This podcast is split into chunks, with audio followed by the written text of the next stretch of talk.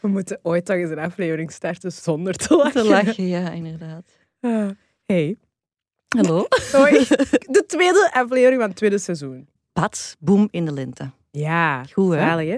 Weet je, ik ga zelfs binnenkort voor de eerste keer sinds, god weet wanneer, sinds, sinds voor de, Sinds de, forever. sinds de pandemic, ga ik nog eens ehm, op reis naar buiten Europa. Amai, nou waar jij dat? Washington. Mm. Ja, ik ga eh, een week naar Washington met eh, mijn beste vriendin gewoon een musea's te doen en zo. Maar zeg zo ja, cultureel. Ja, zo zijn we wel. Oh. Ja, dat is, dat is Jullie gaan gewoon brunchen Ook, en ja, mimosa's drinken. Ook, ook, absoluut. Maar ja, dus ook, ik, wil, ik heb keihard dingen eh, die zo nog op mijn bucketlist stonden van dingen die ik wilde zien in de States. Ja, ik ben op dat vlak wel een beetje, zo, dat is mijn nerdy kantje. Oké, en ga je naar de White House dan ook? Ja, en we waren bezig, van, als we daaraan zijn, dan gaan we zo aan het hek roepen. Ik weet nog niet wat, maar zoiets van, Biden! En dan, hè, maar, ik moet nog wel, Call me back! Ja. ik moet nog wel bedenken wat ik ga roepen en waarvoor, maar dat, dat is ook iets dat ik altijd heb willen doen. Oké. Ehm, is er al op verlof geweest? Nee, nog niet, hè? Eh, Jullie nee. Ja, ooit in mijn leven wel. wel. Heb ik dat al wel eens gedaan? Maar ik bedoel, je een paasvakantie of zo? Nee, ik vind in de paasvakantie op reis gaan voor rijke mensen. Ah. Die dat twee vakanties per jaar kunnen betalen. En ik behoor niet, nog niet tot die categorie. Nog niet. Wow. Oh, oké. Dit is Keihard. Hey. Een podcast waarin we keihard onszelf zijn. Ik ben Josephine Dalemans. En ik ben Dalila Hermans. En in deze podcast gaan we het hebben over dingen waar wij heel veel van vinden. Keivaag. Soms huge. Echt waar. Soms klein, Allee, zalig. Soms heftig. Soms funny. Soms dicht bij ons. Bij mij werd er altijd gemeld. En soms ook helemaal niet. Dan moet ik echt afblijven. Wauw. Maar altijd real. En nu word ik gecanceld. Zonder schaamte. Maar dat gaat kei dom klinken nu. Ongefilterd. Keihard. Het, jongen. Jij heet... eh, Oké, sorry, sorry, sorry, sorry.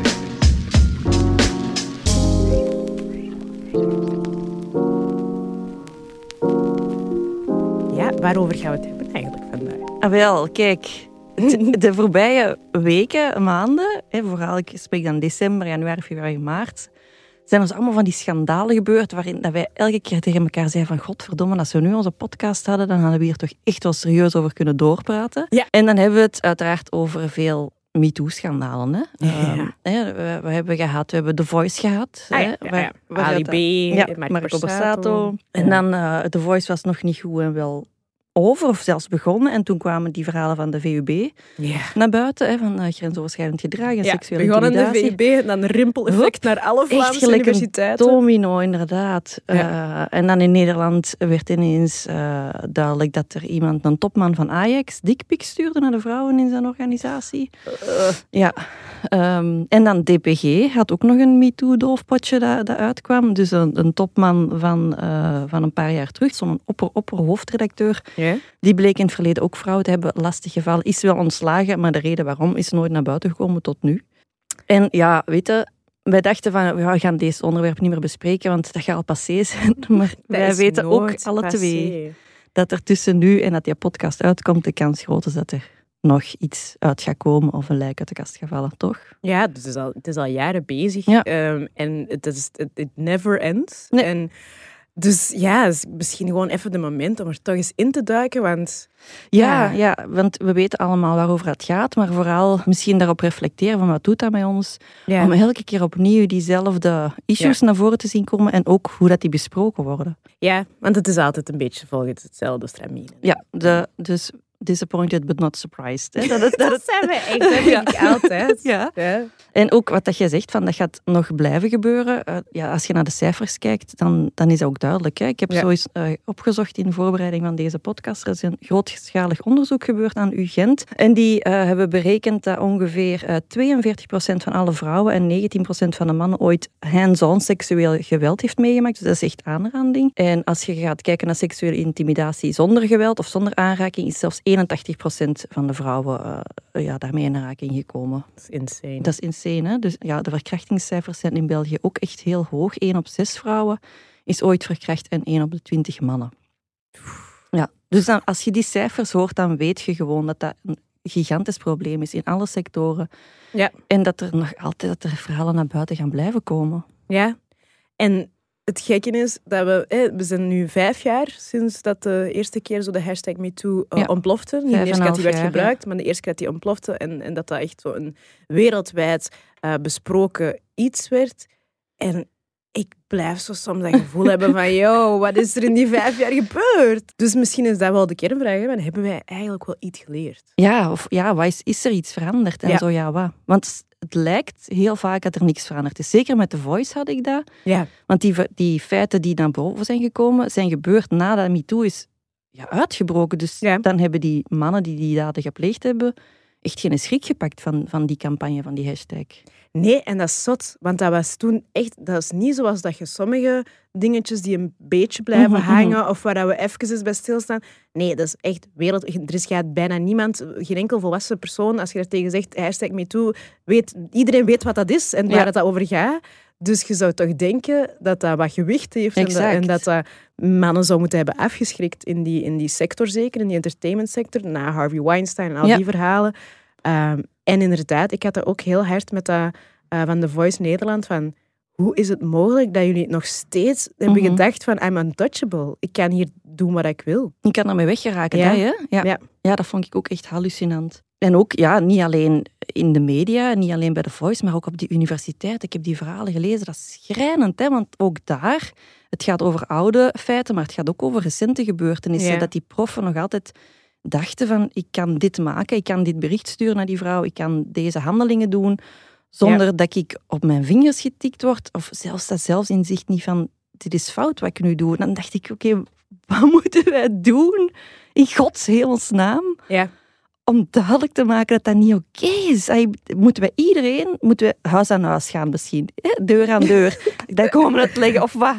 Want ik, ik snap het niet. ik heb even een beeld in mijn hoofd van jij ziet aan deur aan deur gaan. Excuseer, even een momentje van uw tijd. Laat Ik ik kom de boodschap brengen. Sorry.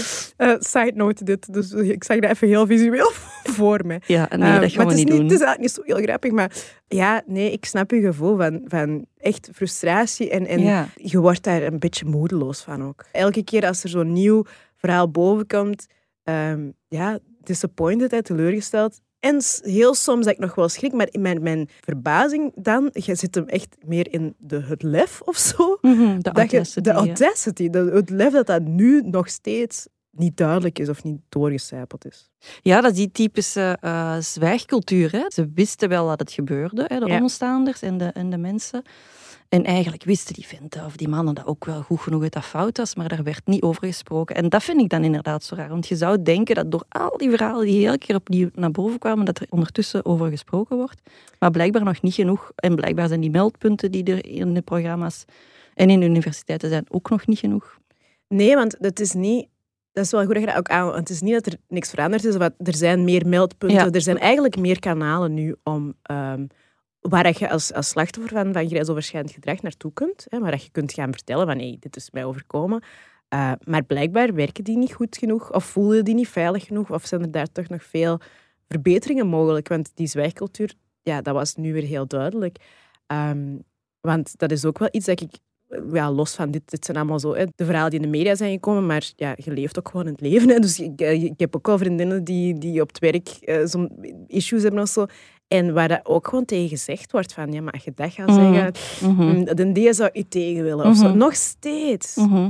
Um, je wordt, of, of, ja, maar ja, die heeft ook een vrouw en kinderen. Hè. Also dat, dus je wordt eigenlijk, wordt die, allez, ik heb het gevoel dat vooral die zwijgcultuur nog steeds een heel groot deel Ja. van het probleem is. Uh, en onvoldoende wordt, wordt aangepakt of wordt Ja, bekeken. en ik denk, dat, is, dat hangt ook wel samen met wie het overkomt, omdat dat vaak jonge mensen zijn, hè, jonge vrouwen, stagiairs, mensen die in een heel kwetsbare afhankelijke positie zitten, die studenten ook. Dus die zijn afhankelijk van hun prof die hen punten moet geven. Of die stagiaires die op de set in de media werken, die zijn afhankelijk van de goodwill van de regisseur of de producent of de chef die daar de leiding heeft om misschien een betalende job te krijgen. Of die freelancers die moeten ja, heel goed in de pas lopen. En zodra die commentaar geven, dan weten die dat die de volgende week niet meer moeten terugkomen. Dus dat zijn echt hele uh, ja, niet veilige en, en geen gezonde situaties om in te werken. Dus dan snapt het, hè? don't bite the hand that feeds you. Ja. ja, want ik denk inderdaad, eh, laten we ons daar vooral even naar kijken nu. Zo de, de verhalen en de schandalen over eh, ja, al dat grensoverschrijdend gedrag, dat in zo die macht, die, die gebeuren in die machtige instellingen. Want dat is wel echt iets heel hardnekkig. Want het is niet hè, dat al die cijfers dat we er straks zeggen, dat dat, gaat, dat dat altijd over dat soort situaties gaat. Dat ook heel vaak gewoon mensen dat je kent, vrienden, familieleden. Ik wil zeker niet doen alsof dat, dat, dat het enige probleem is als het gaat over alles wat te maken heeft met seksueel grensoverschrijdend gedrag. Het enige probleem zit bij de media of bij grote Nee. machtige instellingen. Maar het is wel iets heel frappant. En Ja. is dat echt los, allee, dat, dat op zijn eigen moet onderzocht worden of zo. Ja. Ja. Omdat je daar gewoon heel vaak die... die die machtsverschillen hebt, hè, die Ja. gigantische macht. En dat leeftijdsverschil ook. Hè. Het zijn Ja. vaak jonge mensen van hè, zelfs eh, late tieners, 18, 19 jaar, 20, 22 jaar. En dan de daders of de plegers zijn vaak 40, 50-jarige mannen. Dat is, ja, dat is een gigantisch leeftijds- en machtsverschil. En klassenverschil ook vaak. ja, Dat als je financieel afhankelijk bent van iemand, dan is het moeilijk om Ja. er tegenin te gaan. ja.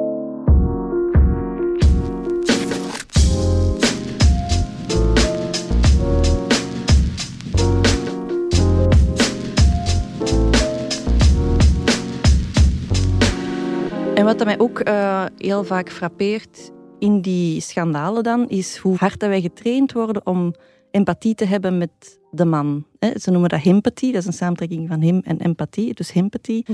En ik vond dat heel eh, frappant in die zaak van Bart de Pauw. Ja. Werd, ja, die is zo hard geschaad, ocharme die zijn gezin, ocharme die zijn vrouw en ocharme die zijn carrière. ja. Maar wij maken die reflectie veel minder naar de getroffenen toe, naar de vrouwen die het hebben ervaren. En als ik heb die documentaire, eh, het proces dat niemand wou gezien, Ja, ik heb dat ook gezien. komt dat heel goed in naar voren dat er een aantal van die vrouwen die dat hebben meegemaakt gewoon hebben gezegd van, weet je wat, die mediasector, ik ben hier weg. Dus die Ja. zijn niet eens kunnen beginnen aan hun carrière. Ja, ja. En die man, hè, Bart de Pauw of anderen dan, die hun carrière op pauze staat, of ja, ik weet niet of die nog terug gaat komen, dat is wel door zijn gedrag dat dat is gebeurd. Het hè? is vooral dat. Dat ik, dat ik vaak... ehm, als ik, dan, ik heb ook heel veel van die comments en zo. Ik kan dat beter niet doen, maar ik heb het toch een paar keer gedaan. Zo die comments gelezen ehm, eh, op Instagram zelfs. Wat dat meestal niet het medium is waar dat te veel ehm, opinie zit of zo. Maar bijvoorbeeld op, op zo'n nieuwsartikeltje dat dan eh, gepost werd op Instagram. Dat, dat je die, als je die comments las, dan was dat heel vaak ehm, inderdaad met zoveel empathie voor een Mhm. dader dat de daad werd vergeten. Ja. En dat ik echt dacht van... Zelfs als ik meega in het stukje van dit moet wel heftig zijn Ja. en, en, hè, en misschien zijn er, is er, zijn er men- mental issues waardoor dat je zo bepaalde dingen hebt gedaan. Of, allee, ik, ik, kan echt, ik kan echt wel mij goed verplaatsen in veel dingen. Of ik probeer dat toch. En daar echt in mee te gaan, er echt over na te denken. Maar at the end of the day heb je wel iets gedaan. Ja, het is door je eigen daden dat je in deze problemen zit. En Ja. dat is bij die vrouwen niet het geval. Nee. Nee. Zij hebben daar geen schuld aan en toch is hun carrière op voorhand al voor een groot deel bemoeilijkt of zelfs weggenomen. Ja, en heel vaak, wat nu hè, de grootste schandalen, daar is inderdaad vaak echt wel, wel serieuze eh ja, imagoschade of een soort, hè, toch wel een knak eh, in een Mhm. carrière gekomen. Maar heel vaak, They bounced back. ja. En vrij snel. En, en, en met een rode loper bijna. Zo Ja. van, oh, goed. Goed Ja. dat hem zich herpakt heeft. Ik denk, eh, zo erg valt het dan? Allee, Ja. Dat valt dan toch wel mee. Ja. Met al dat kapotmaken van de, de dader of zo. Ja, ja, ja. ja, en ook die hele angstpsychose dat er is van eh, hè, er is een oorlog op mannen Ja. en, en die worden kapot gemaakt. En, en de angst om onterecht beschuldigd te worden, die is zo groot. Hè. Leeft toch bij een aantal mannen van ik ga hier beschuldigd worden van iets dat ik niet gedaan heb. Ja. Maar als je weer kijkt naar de cijfers, dan is de kans dat mannen zelf aangerand of verkracht worden vele, maar echt vele malen groter dan dat zij ooit veroordeeld worden voor iets dat ze niet gedaan hebben. Dus dat is een irrationele angst waaruit die mee zitten. Ja, die eigenlijk ook weer vanuit zichzelf vertrekt. Hè, van, het gaat hier, eh, er gaat hier mij iets overkomen, maar totaal geen empathie hebben voor die massale hoeveelheid jonge vrouwen of zelfs jonge mannen wie het overkomt. Ja, en ik vind dat ook... eh, ik ben daar nu zo'n beetje over aan het denken als je dat zegt. Ehm, toen dat vijf, jaar, vijf en een half jaar geleden zo MeToo ontplofte, heb ik echt heel veel gesprekken gehad met de mannen in mijn leven. Mhm. Met mijn eigen man, maar ook met mijn vrienden en zo. Die even toen... Allee, niet dat, mijn mannen en mijn vrienden zijn echt gewoon fijn. Anders zouden we daar, hè, zouden we daar geen vrienden mee zijn en niet mee getrouwd zijn. Maar ik bedoel, eh, zo de mannen rondom mij toen, eh, die waren toen echt bezig aan een soort zelfreflectie.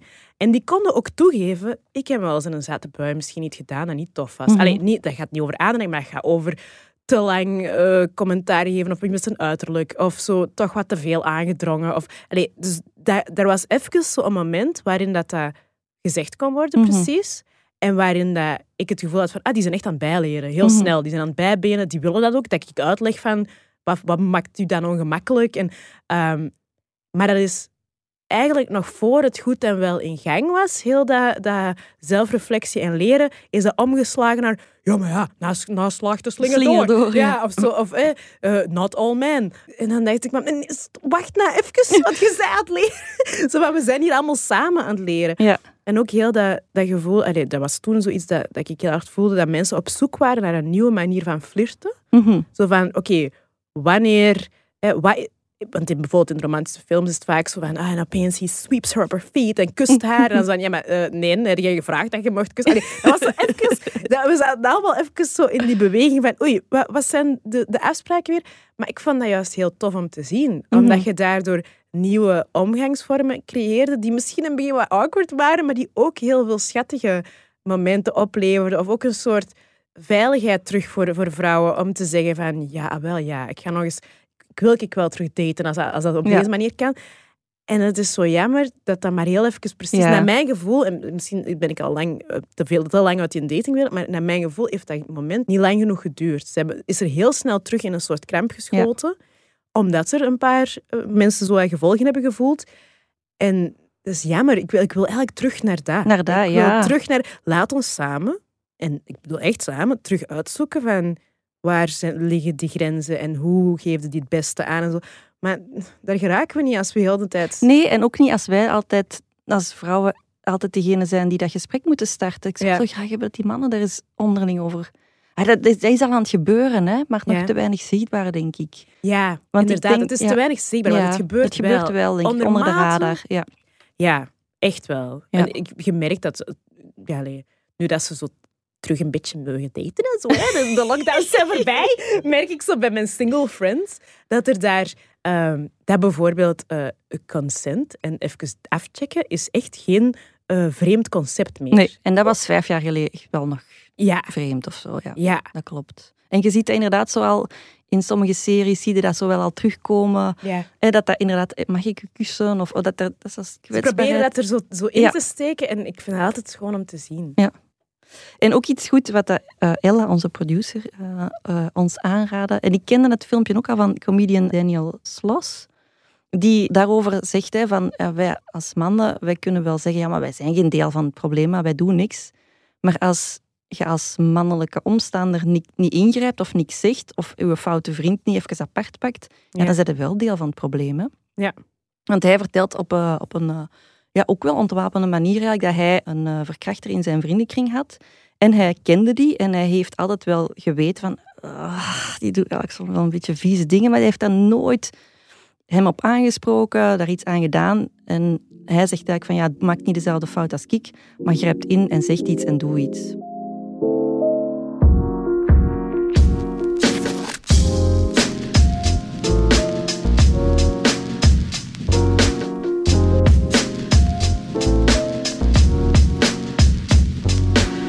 Maar wat ik ook wel merk, is dat veel mannen ook niet meer weten wat ze dan moeten doen, omdat ze zoiets hebben van ja, het is ook niet mijn conversatie, want ik moet even mijn mond houden en dat die... Ja, Nee. maar toch, ik denk als je... Want dat verhaal van die, van die comedian is, niet, is me niet onbekend. Hè, dat, je, Mhm. dat iedereen zo wel weet van dat is zo de pervy dude in de vriendenkring. Hè, en iedereen lacht dat zo wat weg, maar weet ook wel van... Dat Mhm. is echt geen gast dat ik met mijn zus alleen zou laten, bijvoorbeeld. Dat is een En goede, ja, parameter. Ja, en dan heb ik zoiets van, maar als je dat weet, waarom zit je daar met bevriend mee? Want voor zo iemand die een slachtoffer dat maakt, zijn ze wel echt medeplichtig. Hè? En hebben wel echt... Allee, ik wil niet... Ik wil daar zo geen, geen mensen om mij een onnodig schuldgevoel opstaan, maar ik heb wel vaak al zoiets gehad van zoveel van die verhalen die buiten komen, Mhm. zowel de grote verhalen als de kleinere verhalen die wij Mhm. persoonlijk tegenkomen, die mensen hebben een familie en vrienden en dan in de soort empathie mindset beginnen we mee te denken met, oh, gaar met die mensen. Terwijl ik vaak ook heb van, ja, maar die mensen weten ook dat er daar een hoek aan... Allee, Ja. die hadden ook wel kunnen zeggen van, gast, get some help. Want Ja, en dat vond ik in, in, eh, in dat verhaal van Bart de Pauw. Veel mensen wisten dat, hè, dat er een probleem was, dat die man een probleem had. Als je die sms'jes leest, dat was een soort van verslaving of een Ja. compensatiedrang. En je had er eigenlijk bijna medelijden mee. Ja. Alhoewel dat ik echt niet aan het goed praten ben wat hij gedaan heeft. Maar wat ik daar zo pijnlijk aan vind, is dat niemand in die omgeving heeft gezegd Ja. manneke, zoekt eens hulp. Ja. Of in plaats van die een nieuw tv-programma te geven, zeggen van misschien moeten we even eerst aan de eigen werken. Ja, ja. En, en ik zei, ja, het is, dat, het is exact dat. Want het vraag dat je eigenlijk stelde was van, ja, hoe doe je dat dan, dat ingrijpen? Eh, dat is niet gemakkelijk, maar ik denk dan, als ik in mijn vriendenkring, ah, dat is al zeker gebeurd, mensen die dat, eh, een of andere verslavingproblematiek hebben of zo, of, die, of waar dat je van weet van, pff, die, zit er, die zit tegen een burn-out aan. Of. Mhm. Als je ziet dat iemand, dat er iets mis is met een van de mensen dat je graag ziet, Mhm, dan ga je ook dat gesprek aan. mhm. En iemand die op een hele duidelijke manier, of, of dat iedereen zo aanvoelt, eigenlijk seksueel grensoverschrijdend gedrag stelt, daar is iets mis mee. Daar Mhm. moeten wij mee babbelen. Mhm. En toch doen we dat dan niet, terwijl ik denk dat kan ook vanuit een, dat kan zelfs met empathie. Dat Mhm. kan ook vanuit een, hé hey maat, sorry, maar ik heb je dat nu al een paar keer zien doen. Ik zie meisjes ongemakkelijk worden in je buurt. Mhm. Dit is echt niet oké. Doe dat. Ik denk dat dat, dat soort dingen, mannen die, die met elkaar daarover praten, elkaar daarop wijzen, of, of al, en dat hoeft niet in een mega woedende. Hey, dat, kan zo simpel als dat. Maar ik denk echt dat er iets mis is, want dat is niet oké. hoe dat hè, als dat veel meer zou gebeuren, zouden er veel minder verhalen zijn. Ja. Want ja, je hoort wel veel mannen die het afkeuren, maar die zeggen, oh, maar als ik zo iemand zou tegenkomen, ik zou hem op zijn gezicht slagen of zo. Ja, maar dan Maar gaat het dat over... helpt ook niet, hè, man. Meer geweld is nooit de oplossing. Nee, en dat gaat altijd over het beeld van een, van een eh, rapist, van een verkrachter, dat wij zijn opgedrongen geweest door in de jaren, is de enge man die uit de bosjes, komt. Ja. Maar Ja. dat is bijna nooit zo. Hè? Nee, die bestaan, maar die zijn echt... Dat is een hele kleine minderheid. De het is meeste altijd dingen... ja, een turnleraar, de, baas, de collega, de buurman, de, De onkel, de vriend. Regisseur. De, Voilà. ja. Dus dan denk ik, je zou veel meer een held zijn Mhm. als je je maat ter orde roept of als je, als je iets ziet op de werkvloer, is een keer je mond zo open trekken. Mhm. Allee, er zijn gewoon zoveel meer manieren om daarin de held te zijn van zo'n Ja, verhaal. dat, is, eh, dat is heel mooi gezegd. Hela. Hey. Hey. Eh, en met dat, eh, met dat inspirerende be the hero you wanna be of zo. Nee, dat, dat, is, Nee. nee, dat is niet hè. ze- na het. Camilla. Ik heb het ja, verbrod. Ik zat, gaat, ik het, zat gaat moeten zwijgen. Echt waar. Ik zat er en ja, te ver willen douwen. Hè. Te veel willen zeggen. Oh, misschien moeten we even een midbreekje pakken. Ja, dat is goed.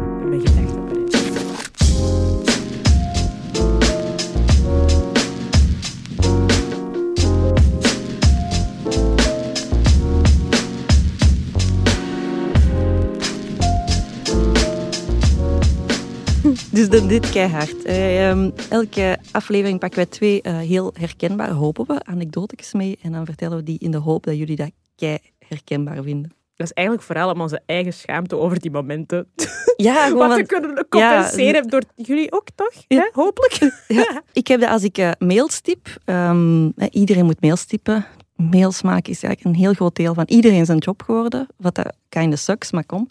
Dus dan typ ik een mail en soms dan typ ik er zo een heel enthousiast. Hallo, met een uitroepteken. Ja, eh, eh, komt in orde hoor, uitroepteken. En dan verder, verder. Eh, heel veel groetjes, uitroepteken. En dan herlees ik die en denk ik, gast, je hebt zes uitroeptekens gebruikt. Je klinkt hysterisch. Je klinkt hysterisch. Je klinkt echt als een insane woman die zo wild enthousiast is. Van, "Oh, oh." Dus dan ga ik die uitroeptekens deleten. Maar als ik dan een punt zet, dan denk ik, ja, nu komt het ook echt heel koud over. Hè? Hij is een robot of zo dan. Dus dan zit ik echt tien minuten te denken, uitroepteken, een komma. En ja, hoe moet ik dan afsluiten? Dus ik doe vaak langer over de redigeren van mijn mails dan over het opstellen van mijn mails. Ik ben gewoon begonnen met emojis in mails te plakken om dit gevoel tegen te gaan. Doe je emojis in mails? Nee, dat, dat- Jawel. in professionele In mails. professionele mails. Ik heb het losgelaten, Josephine. Ik heb de tijd niet. En welke doe je aan de smileys gewoon? Ja, gewoon smileys. Ah, ja. Ja.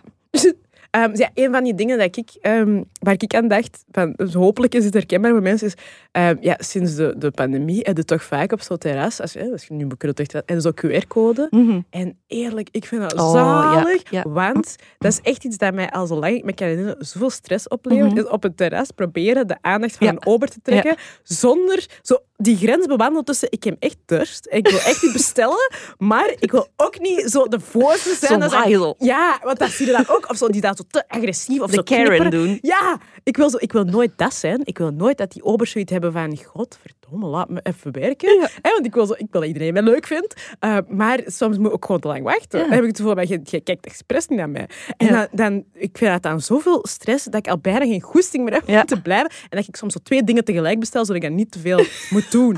Echt waar. Dus ik ben eigenlijk Ja, heel- ja, dat Lilla, dat ja, is de dat is de reden. En this is my story and I'm sticking to it. maar ik ben dus wel heel blij met de QR-codes. Ja. Ja, heel handig systeem. Laten we dat meenemen uit de pandemie. ja. Alleen dat, ja. Heb je het gehoord? hè? Iedereen in de horeca?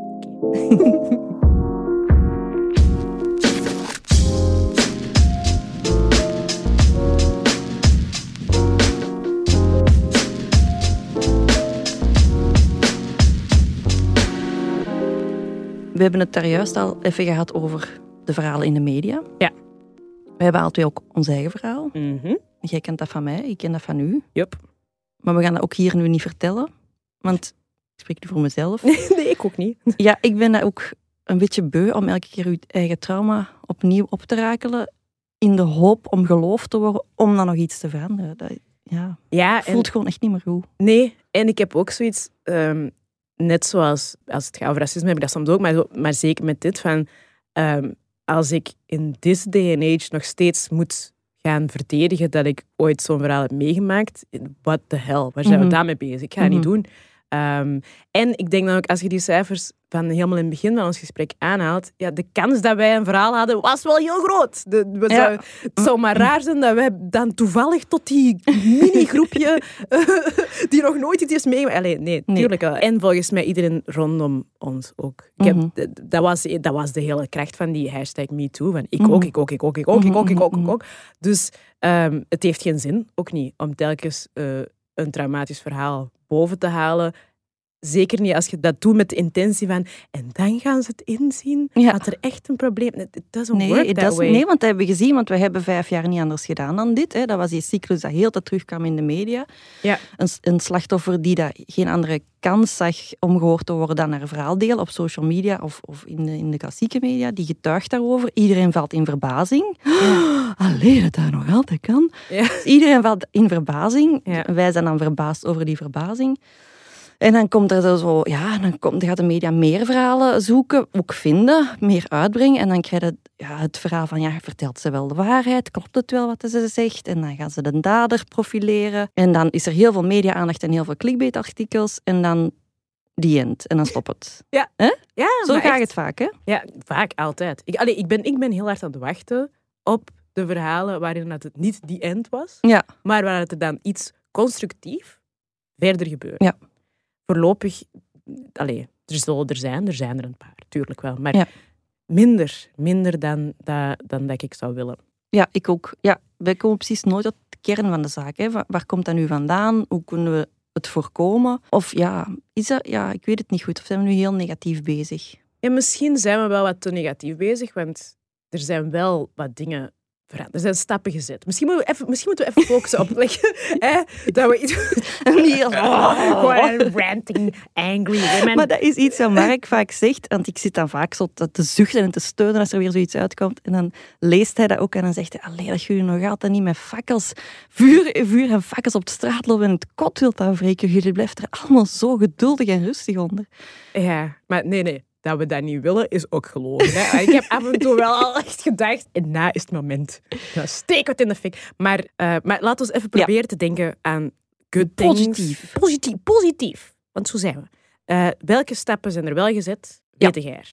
Het, wat dat je altijd moet onthouden, en dat is super frustrerend, is dat dit gaat over een gedragsverandering en er is niks zo moeilijk om te veranderen dan iemand zijn gedrag. Het gaat Mm. ook over een, ja, een, een bewustzijnsverandering en dat duurt heel lang. Dat duurt jaren, decennia, misschien zelfs langer. En dat is nu aan het gebeuren en ik denk dat wij soms gefrustreerd zijn omdat wij dat niet snel genoeg zien gebeuren. Omdat wij al een aantal stappen verder zijn, maar iedereen moet mee zijn. Ja, en er is wel heel... Allee, dat heb ik wel altijd gezien als een, als een hele grote verdienste van die beweging. Hè, de Me- MeToo-movement, laten we dat even zo noemen. ehm, is dat dat bewustzijn enorm vergroot is. Ja. Enorm vergroot. Dat, dat is gewoon zo. Als ik ten tijde van mijn eigen verhaal was er nog een hele vriendenkring die gewoon zoiets had van nee, Mhm. whatever. Terwijl nu hè, we weten wat dat kan en of toch veel meer jonge mensen zijn ook veel meer zich bewust van dit is hoe seksualiteit zich hoort te ontplooien en dit is ik, ik mag zeggen dat iets niet tof is en allee, ik heb wel het gevoel dat er op vlak van bewustzijn zeker bij de generatie die ons volgt heel veel is gebeurd. Ja, dat klopt. Dat Ja. klopt. Ja, ik heb ook eh, tien, twee tienerzonen en die krijgen echt op school daar ook eh, lessen over. In de lessen seksuele opvoeding. Dat gaat over sexting, dat gaat over consent. Dat gaat over eh, verschillende seksuele geaardheden. Dat gaat over toestemming geven tijdens seks. Eh, dus ja, en dat kregen wij echt vroeger echt niet. Nee. Gewoon, dit is een piemel en dit is een vagina. En die gaat in elkaar. Dat is ook de enigste manier waarop dat je seks kunt hebben. Ja. Nee, dus dat is effectief inderdaad ook wel, ehm, wel goed. Wat ik een klein beetje een goede wending vind, maar don't shoot me, is dat vrouwen tussen aanhalingstekens gevaarlijker geworden zijn. Mhm. Is, ik denk dat de tijdsgeest in die zin veranderd is. We wisten al, ja, twintig jaar geleden was dit ook fout gedrag. Mhm. Dat wisten die daders toen ook. Het is niet dat dat toen oké was, hè? Want nee, dat wordt nee. nu soms gezegd, hè, van ja, hè, vroeger mocht dat allemaal. niks meer. Nee, je dat altijd vroeger al niet. mocht dat ook niet. Nee. Het verschil is dat vrouwen of mensen die het meemaken eh, terugpraten. En eh, een soort van macht hebben teruggekregen Ja. en dat ze gevaarlijk zijn daarin. En Ja. dat um, misschien, bij de voice misschien niet, maar ik hoop dat het uitzondering zijn dat mannen twee keer nadenken voordat ze iets zeggen of doen. Ah, Ik zeg nu mannen, maar daders eh, twee keer nadenken voordat ze ja, tot grotere misstappen overgaan. Ja, want dat zie je ook zo. ehm, eh, naast die hele ehm, hysterische angst voor cancel culture en zo, Mhm. het feit dat je mensen ter verantwoording kunt roepen als bijvoorbeeld eh, een bedrijf of, eh, of het parket of eender welke plek waar je dat normaal gezien zou doen, ehm, dat niet wilt doen, dat je zelf nog altijd de macht hebt om te zeggen Ja. ik breng mijn verhaal naar buiten Ja. en ik ga dit wel exposen als ik daar de moed voor vind. Of, het, hoewel dat, dat een, heel, een beetje een, een pervers systeem is dat dat zo moet, het maakt ook wel dat je consequenties kunt afdwingen. Ja. Ja, dus Ja. in dat opzicht volg ik u wel, dat we wel een beetje gevaarlijker Ja. geworden zijn. Ja. Kende jij dat verhaal van die, ehm, dat document dat gedeeld werd onder Amerikaanse vrouwen die in de media werkten? En dat, heette, dat document heette Shitty Media Men. en die vrouwen die deelden dat met elkaar, omdat die in contact waren met heel veel shitty media in de Amerikaanse media. Ik kan me dat zo voorstellen. Ja, ja, ja. En omdat de workspace, ehm, die kon hen niet beschermen en ook de, het juridische eh, apparaat kon hen niet beschermen. Dus daarom hadden ze, ja, dan moeten wij elkaar beschermen. Dus we gaan een lijst aanmaken met mannen, wat daar is mee gebeurd. En dan kunnen we dat delen met elkaar. En dan zijn we tenminste voorbereid als we daarmee op set staan of in een redactie. Zo, dus die hadden dat gedeeld met elkaar. Er stonden 17 mannen op, denk ik. En dat is uitgelekt. Dat heeft volgens mij in BuzzFeed en al gestaan. Ja, ja, ja, ja. Dat was toen echt paniek. En ook inderdaad die, die reactie van het is een heksenjacht en ze komen achter ons aan. Er is met die 17 mannen niks gebeurd. Die hebben allemaal hun job eh, gehouden, geloof ik. Uiteraard. Ja, maar het is, ik denk niet dat dat een goede tool is om, om met dit... Nee, want dan kun je natuurlijk ook wel heel rap zeggen, dat vind ik eigenlijk geen toffe. Exact, Ik ja. schrijf hem op de lijst. Dus nee, dat is, maar, maar het feit dat dat soort dingen werd in het leven geroepen, eh, zegt heel veel Ja. Eh, over de natuur van het probleem en de, de grootte van het probleem. En het feit dat er mega paniek ontstaat als zoiets Mhm. lekt, zegt ook veel. Ja. Dus Ja. interesting.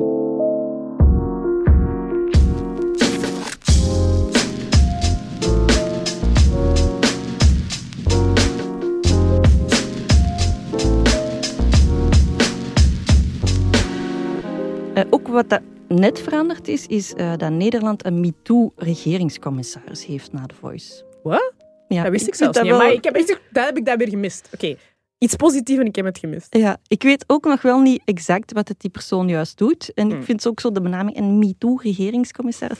Heel dat ding zo om... Hij heeft een MeToo'tje gedaan. Ik krijg daar ook zo'n beetje jeuk van. Zo. Je hoeft niet alles MeToo te noemen, weet je? Ja. Ja dat, dat maakt dat ook zo op een of andere manier heel banaal of zo. Ja, maar dat altijd met, de, met Ja. de hashtags. Ja, maar alleen wel op zich wel een, een grote stap of zo. Ja, Dat ja want dan wordt het wel als- ernstig genomen. Ja, toch? en ook, en ook, ik vind het ergens ook wel ehm, eh, intrigerend of zo, dat iets dat zich ehm, in een bedrijf heeft afgespeeld, en, of in de media, maar dat, zijn, dat zijn ook bedrijven, dat dat eh, toch zoveel ophef heeft veroorzaakt dat een regering van een Ja. land daarmee aan de slag gaat. Dat zijn wel... Allee, dat is niet iets dat, dat heel vaak gebeurt over veel dingen Nee, dat klopt. En in Vlaanderen was er dan het, ehm, actieplan tegen grensoverschrijdend gedrag in de media van minister Dalle. Ja. Dus dat is begin maart uitgekomen. En ik heb daar achter de schermen ook een klein beetje aan meegewerkt. Ja, ik heb gewoon wat feedback gegeven in de voorbereidende fase. En dat is ook echt een heel uitgebreid plan. Dat gaat voorlopig alleen over bedrijven en mensen die in de media en in de cultuur werken. Maar je voelt wel dat er is over nagedacht, dat er aan gewerkt is met de juiste deskundigen. En ja, dat is een, een, een soort van engagementsverklaring. Ja. En alle uh, topmensen in de media hebben dat ook willen ondertekenen. Dus Hmm. ja, ik vond dat wel, want ik was ook op de persconferentie en daar waren ook alle belangrijke mannetjes. Die zijn stonden, wel ja, echt allemaal mannetjes, hè? ja, met hun pakken en, hun, die stonden daar dan inderdaad. Want Blauw Ja. kostuum, bruine schoenen. Hè? Exact. exact, ja, ja, ja. Maar ze waren er wel. Ja, Terwijl drie jaar geleden, vier jaar geleden, hadden die op zo'n event nooit, denk ik, afgekomen. Dan hadden die waarschijnlijk die van HR gestuurd of de diversiteitscoördinator gestuurd. Maar dan waren die zelf, denk ik, niet tot daar gekomen om... ehm, De urgentie Ja. is er. En, en, want je zegt dat dat echt wel een, ehm, een uitgebreider plan is dan, dan wat er vroeger zo Ja. eh, op tafel lag. Kunnen zo'n paar, eh, want ik heb het nog niet gelezen. Ja. Kunnen zo een paar puntjes zeggen Ja. daar, waar dat jij zo belangrijk vond? Dus er komt een sectorieel meldpunt eh, voor heel de sector, waar dat je De melding- ja, voor de mediasector, Ja. waar dat je melding kunt doen en daar worden dossiers bijgehouden zodat je patronen kunt ontdekken. Hè. Dat is er bijvoorbeeld negen meldingen binnenkomen, anoniem of niet anoniem, over een bepaalde persoon. In de zaak van Bart de Pauw was dat heel handig geweest, want dan hadden die allemaal verzameld kunnen worden op één plek en dan hadden kunnen zien, ah, dat is een patroon. En die pakt altijd hetzelfde werkmethode. Ja, werkmethode, dat klinkt nu zo raar. Modus operandi. Maar dat gaat dus over grensoverschrijdend gedrag, over aanranding, over seksuele intimidatie. Dus iedereen die iets ziet gebeuren of iets zelf heeft meegemaakt, kan daarvan melding doen. Oké. En nu is dat nog niet heel duidelijk waar dat je dan melding kunt doen. Ik geloof dat het 1712 is het nummer. Maar daar wordt ook werk van gemaakt om dat duidelijker te maken. Dat moet ook op elke callsheet komen. Dus als je een actrice bent en je moet ergens zijn, dan komt er ook altijd... Je kunt, als er iets gebeurt, kunnen daar terecht. Ah, dat, is wel, dat, vind ik, dat zijn Ja. zo dingen die echt heel Ja, tastbaar dat is heel zijn. concreet. Ja. Dat is heel concreet. cool. Wat er nog eh, naar voren kwam in de persconferentie was eh, een nieuwe job, al, nieuw althans in Vlaanderen, intimiteitscoördinator. Geloof ik dat het heet? Ja. Filin Jansen is dat? Ik heb, eh, ja, ik heb ehm, op een film, het filmfestival van Gent ehm, heb ik eens naar haar eh, geluisterd en, en, en- en heb ik een debat gevolgd. Uh, nee, geen debat, maar een panelgesprek waarin zij zat. Ehm, heel cool wat dat die doet, vind ik. Ja. Dus zij zorgt eigenlijk in- seksscènes of intieme scènes dat iedereen zich goed voelt. Dus dat er, want nu voelen vaak, ofwel wordt er geen rekening mee gehouden en dan wordt er volledig over grenzen gegaan, ofwel zitten mensen in een kramp van, oeh, oeh, oeh, waar ligt mijn borst, waar ligt mijn piemel? en zij zorgt er eigenlijk voor dat iedereen zich op zijn gemak voelt en dat die scène ook spontaan en natuurlijk eh, op beeld overkomt. En in Amerika staat die job al kei lang en zij is momenteel de enigste in België die dat doet. Ja, maar in de, dat panelgesprek dat ik destijds aan haar heb gevolgd op het filmfestival, was er heel hard mensen aan het opro- oproepen van hey, doe deze, hè. ik heb te werk te veel. Ah ja, dat kan mij Dus- inmailen. Dus moesten er eh, luisteraars zijn die graag intimiteitscoördinator dan? Intimiteits wat? Intimiteitspersoon worden, dan eh, wie- gaat die zeker eens opzoeken. Ehm, want ja, die wil collega's. ja, dat is zo. Een ander deel dat, nog in eh, dat charter stond, dus eh, alle, ja, dat is het. Ehm, er wordt minder nadruk gelegd op eh, de verantwoordelijkheid van het- de slachtoffer, maar meer nadruk gelegd op de verantwoordelijkheid van de omstaanders, dus van de collega's en van de leidinggevende. Dus de leidinggevende is verantwoordelijk voor de bedrijfscultuur, dus als er iets gebeurt in zijn of haar bedrijf, dan ligt dat eigenlijk ja, bij, bij hem, haar, eh, x. En moet die persoon dat oplossen. Ja. En ook als er melding wordt gedaan, dan wordt er bijvoorbeeld een, bystander training aangeboden van hoe moet je daarmee omgaan als bystander om iets te melden. Ja. Ehm, hoe gaat je daarmee om? Hoe, hoe grijp je in? Eh, wat dat ik wel een goed ding vond, want daarvoor was het, ja, je moet het zelf zeggen en je moet het zelf oplossen. ja, dat was ook nog heel duidelijk. Ehm, ik weet niet of dat, hè, voor diegenen die dat niet hebben gevolgd, maar na het schandaal van The Voice in Nederland is Jean de Mol eh, in, ja, bij Boos uh, terechtgekomen. Met een, een Nederlands programma heeft daar een interview gedaan. Wat dat ik op zich wel zoiets had van...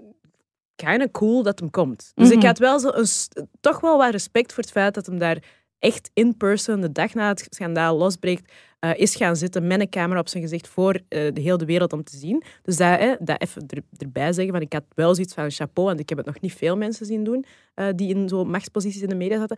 Maar wat dat hij zei, de boodschap die hij meegaf, was heel de tijd victim blaming, vond ik. Mhm, was heel van, de de, waarom zeggen ze niks? Waarom hebben ze geen melding gedaan? Mhm. Waarom komt het niet tot bij mij? Dat is toch jammer? En, eh, dus ik ben heel blij dat er nu al in dit Mhm. charter, dat er, dat, dat er niet gewacht is totdat dit allemaal uitkwam, maar dat ze daar al van in het begin aan hebben gedacht van ehm, we gaan echt proberen de last op de schouders van de Mhm. slachtoffers zoveel mogelijk verlichten. Want dat heb ik echt heel vaak gemerkt dat nog heel snel gebeurt. Ja, dat is ook zo.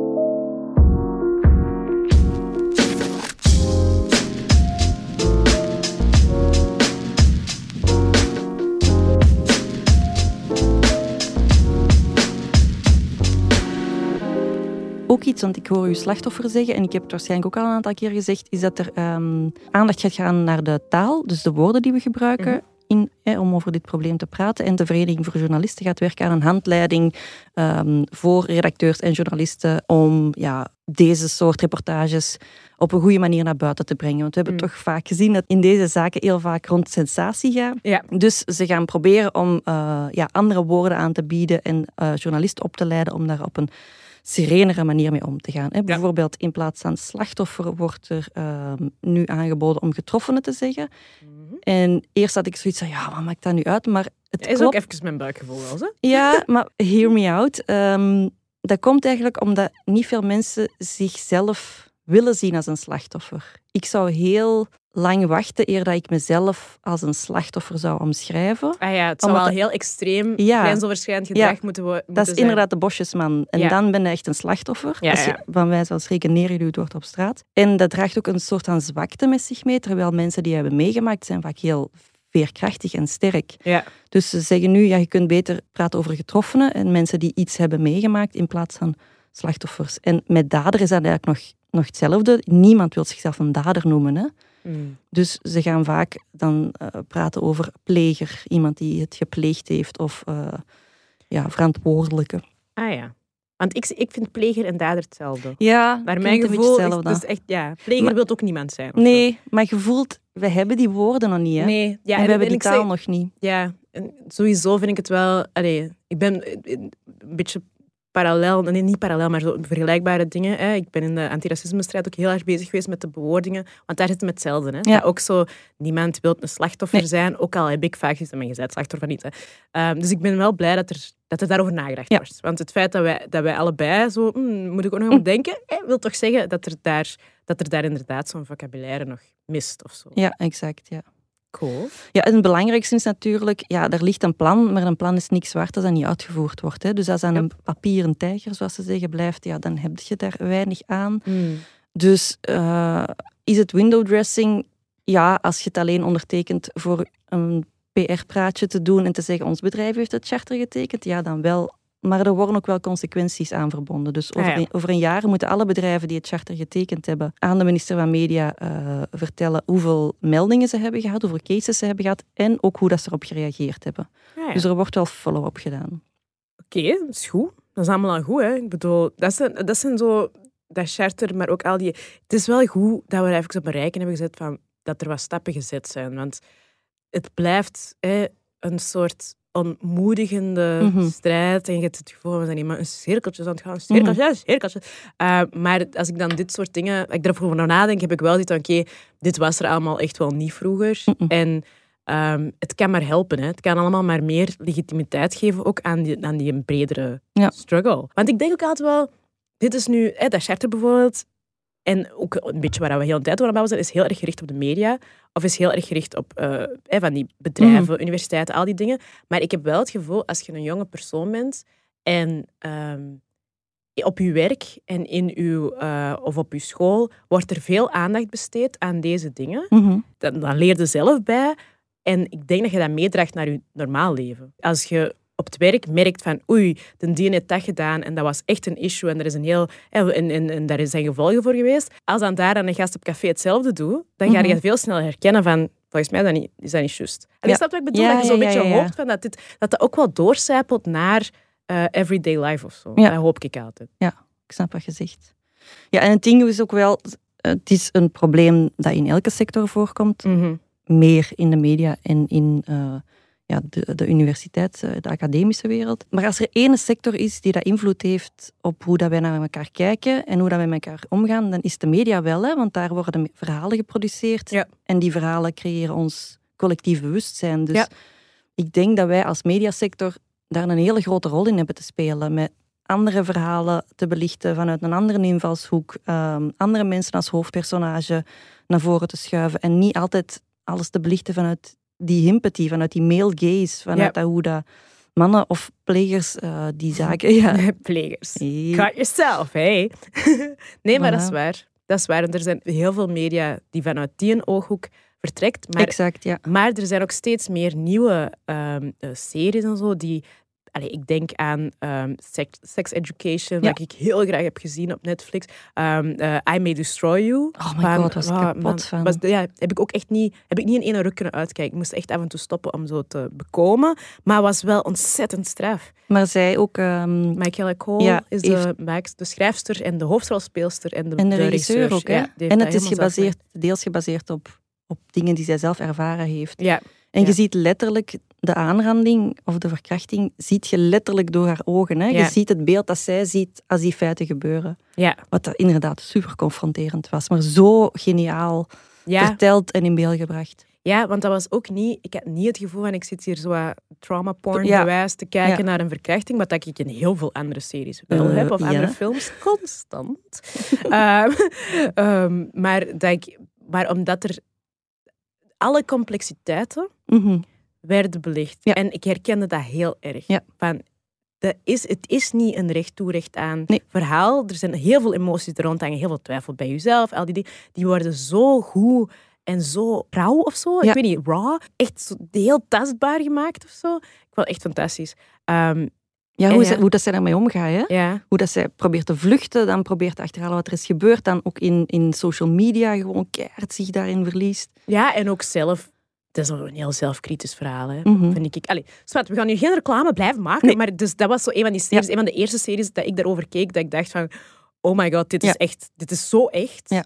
Maar goed, hè. Allee, het zijn zo, we zijn er nu een paar aan het uitpikken, maar het zit hem in, in veel van die nieuwe series ook niet per se dat het expliciet over ehm, een verkrachting of aanranding of zo gaat, maar ook al die dingen dat we, dat we graag willen dat mensen doen, hè, consent, een kusje vragen, al die dingen, dat zit tegenwoordig ook in Mhm. veel series. En dat is, dat is op een andere manier minstens even belangrijk. Dat Mhm. vind ik echt heel fijn te zien, dat heel, zeker zo series die voor jongeren gemaakt zijn, hoe vaak dat ik nu daar van die momentjes in zie dat ik denk, ah, ze hebben er echt over nagedacht. Want het is niet gewoon, kom hier, dat kakkus.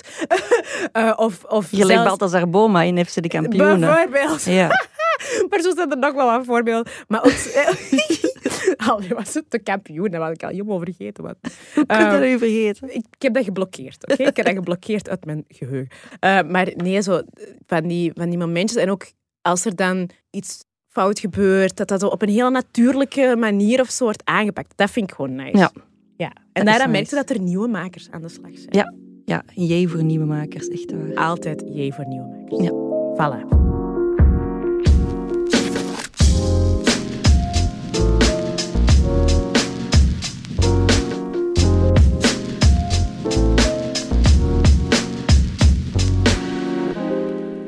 Ja, en afsluitend, eh, als je daar dan over verder wilt lezen en praten en nadenken, ik heb een hele goeie boek nu, dat ik nu aan het lezen ben, en die heet Het Recht op Seks van Amia Srinivasan. En zij is eigenlijk een professor sociale en politieke theorie.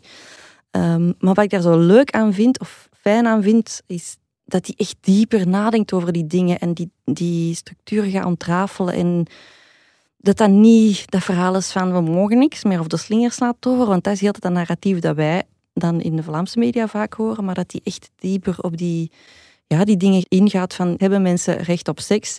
Maar bijvoorbeeld ook het eerste hoofdstuk dat ik nu aan het lezen ben is eh, The War Against Men of De Oorlog tegen Mannen. Ik ben het in het Nederlands aan het lezen. Eh, het gaat over hoe dat die mannen zich bedreigd voelen en van waar dat komt, die bedreiging. Want als je gaat kijken naar de feiten, blijven die vaak overeind staan. En ook van wie dat de macht heeft, hè, want het zijn vaak... ehm, als daders eh, uit een machtige familie komen of uit een rijke familie komen en goede advocaten hebben, ja, dan gaan die veel makkelijker door zo'n uh, verkrachtingszaak doorgaan dan uh, mensen die uit een lagere klasse komen of mannen van kleur ook, die ja. wel vaak ten onrechte beschuldigd worden van verkrachting. Ja. Dus zij neemt echt alles mee. Zij neemt klasse mee, zij neemt kleuren mee, zij neemt geaardheid mee. En dan maakt het een zoveel genuanceerder en rijker verhaal dan, uh, dan het verhaal dat we vaak lezen of horen in onze eigen media. En mag ik eens stoem vragen over ja? die boek? Is die moeilijk? Nee, nee. En dat is, dat is het leuke aan die boek. Is, die is helder geschreven. Dus niet zo van die zinnen dat je denkt, oh, dan moet ik echt elk woord even gaan googlen. Nee, dat is echt helder en eenvoudig taalgebruik. Maar je moet wel heel hard nadenken over wat dat ze zegt, omdat ja, ze, ze, kan heel goed nadenken vooral. En als je dat leest op de trein, dan moeten ze af en toe die een boek wegleggen en dan, ja, ja, en dan, ja, dan voelde zo je, ja, je hersenen werken. Ja. Maar dat doe ook deugd of zo. Ja. Want op dit vlak eh, ja, ja. is dat wel nodig dat je ja, je voelt zo verbindingen die gemaakt worden, dat het zo knittert. Ja. ik heb wel een beetje een brain crush op haar. Ah, maar dat is gewoon... Ik, ben, ik stelde die vraag omdat ik ook wel van mijn eigen merk, um, onder andere dit, dit, dit thema, maar dat is zo... Dat is en iets waar we al zo lang rond werken, zo lang rondschrijven, zo lang over nadenken, maar dat is ook iets dat heel persoonlijk is. We hebben gezegd, we hebben ons eigen verhaal. Ja. Dus dat ook vaak gewoon als een ik ga mezelf getroffenen noemen, geen, geen, slachtoffer, maar dat dat ook vaak heel triggerend is voor mij. En dat ik eigenlijk veel tegenwoordig zo mezelf er wat van afscherm en zo probeer nimmer alles te lezen. Dus als ik daar nu nog een boek over zou moeten lezen, moet het inderdaad zoiets zijn. Iets dat, dat iets doet met mij, dat, dat mij verder uitdaagt en niet weer uh, terugsleurt in die, in die pijn. Is, of nee, het is echt een intellectuele uh, uitdaging. Maar ook bijvoorbeeld kritisch tegenover het feminisme zelf en vooral dat hashtag feminisme ook. Hmm. Dus snap het? Is maar wel... helemaal uit, het boek? Nee, nee, nee. Ah, nee, ja, want ik, vind het ik vind het spannend. Want ik denk ook, ik kan me voorstellen dat er nu uh, luisteraars zijn die ons hierover bezig horen um, en die ergens ook wel iets hebben, ja, maar die zijn heel over mannen bezig en er zijn toch ook vrouwen die daders zijn. Ja. En ik heb dat heel vaak gehoord en ik, en ik vind dat op zich een terechte opmerking, want eigenlijk, ik heb geen idee wat een vrouwelijk dadersprofiel zou zijn. Want ik heb daar echt nog heel weinig over gehoord. En zo'n ik, heb nu, ik ben op, in een fase in deze gesprekken dat ik zoiets van, leert mij nu maar eens iets nieuw bij. Ja, exact. Ik wil echt het nimmer hebben over al die typische... En snap, het, het cirkeltje hebben we gedaan. Ik wil nu meer weten en, en mij verdiepen. Dus ah, oké, okay, alright. Het recht op seks. Ja. Goeie tip. Voilà. Ik vond het weer een boeiend gesprek, Jos. Ja? ja. Ja, en, ik, en het is echt zot, want ik wist dat we het hierover gingen hebben en dat we het hierover eens moesten hebben. Maar zoals hè, wij allebei zeggen, wij zitten al heel lang hierin, had ik ook ergens het gevoel van, ja, wat kan ik hier nog over zeggen? Of wat mm. ga ik hier nog over denken dat ik nog niet heb gedacht? En nu dat we aan het babbelen zijn, heb ik toch weer nieuwe gedachten gehad. Of zo. Mm -hmm. Jij ook? Dat is een beetje de opzet, hè? Maar ik snap het, ik had helemaal hetzelfde. Ja, ja. ja.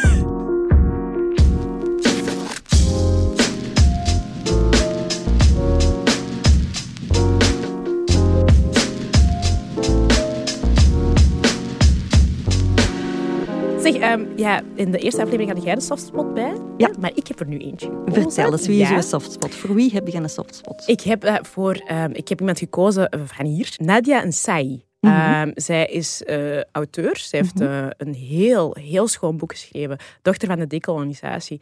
Um, zij is, um, heeft Congolese roots. Uh, en werkt momenteel voor het Afrika Museum. Ze heeft daarvoor ook van alles gedaan, ook heel interessante dingen. Maar ze voor het Afrika Museum en is daar echt ook heel boeiende expos aan het opzetten en programma's rond die expos. Uh, het is gewoon echt een, een bijreis, een heel, hele slimme madame. Heel zacht en genuanceerd, maar toch super fierce of zo. En echt een belangrijke um, uh, stem in het antiracisme-debat, zonder dat zij zich heel de tijd opwerpt als stem in dat debat. Gewoon ja. door wat zij doet. En, uh, en ze heeft onlangs uh, de Rosa Luxemburg-prijs gewonnen, wat dat voor mij extra cool was, want ik had die vorig jaar gewonnen. Dus zo, de, fakkel is doorgegeven naar iemand wat ik zelf krijg. En wat is dat voor prijs? Dat is een prijs die wordt gegeven um, eigenlijk om zo een vrouw die de spirit van Rosa Luxemburg, um, dus iemand die echt een heel belangrijke uh, feministe uh, was en die, die uh, heel erg tegen de schenen van het establishment heeft geschopt back in her days. Um, dus die, die prijs wordt uitgereikt aan een vrouw vandaag de dag die diezelfde spirit in zich draagt en, um, en op dezelfde manier uh, de wereld probeert te veranderen. Uh, dus het, is, het, was vorig jaar heel cool als ik won, maar het is dit jaar nog cooler precies. Dat ik iemand waar ik zelf echt fan van ben en die ik zelf gewoon echt heel graag heb, um, dat die die nu heeft gewonnen. Ehm, en ik denk dat veel mensen in onze directe kring, dus zo, of in onze bubbel misschien, eh, Nadia wel kennen, Nadia Ensai. Maar eh, ik vind dat nog te weinig mensen haar Dus, kennen. ja. En ik wil dat haar een boek echt een best, best, bestseller is. En niet gewoon een boek dat toch wel veel mensen hebben gelezen. Nee, koop het! En, eh, en volg haar werk. Um, because she's awesome. Ja, ik kan eh, alleen maar bijtreden.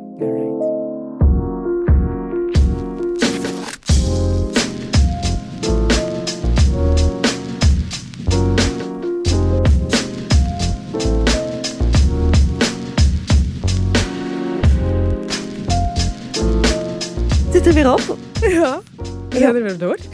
Gaan we zometeen nog, eh, nog iets drinken? Ja, ik heb altijd wel na... Als het over deze thema gaat, moet ik doen... Ja, Ja, ja even nog terrasje, jong. ja is goed. Kijk goed. Tot de volgende keer. Hart. Merci om te luisteren. Joe. Je hoorde natuurlijk alleen onze stemmen, maar achter de schermen werken heel veel mensen mee aan deze podcast. Hè. Dat is waar en eh, die willen we bedanken. Dat is in de eerste plaats podcastagentschap Uitgesproken, waar we mee samenwerken. En eh, ja, de productie en de montage wordt gedaan door ons fantastische Ella van Einde. We love her. De muziek en sounddesign is eh, van Pieter Santos. Willem Blondrok maakte de beats eronder. Dat is uw man? Ja. En het logo werd gemaakt door mijn man, Mark Nuiten van Birdseye Design. ja, en zit jij nu te luisteren en vond jij onze podcast leuk? Dan moet je dat vooral laten weten aan ons en het doorvertellen aan uw vrienden. Keihard bedankt, El, hè? Die laatste was Keihard bedankt dan, hè. keihard bedankt, jong. Ik dacht echt, komt nu nog een you achter.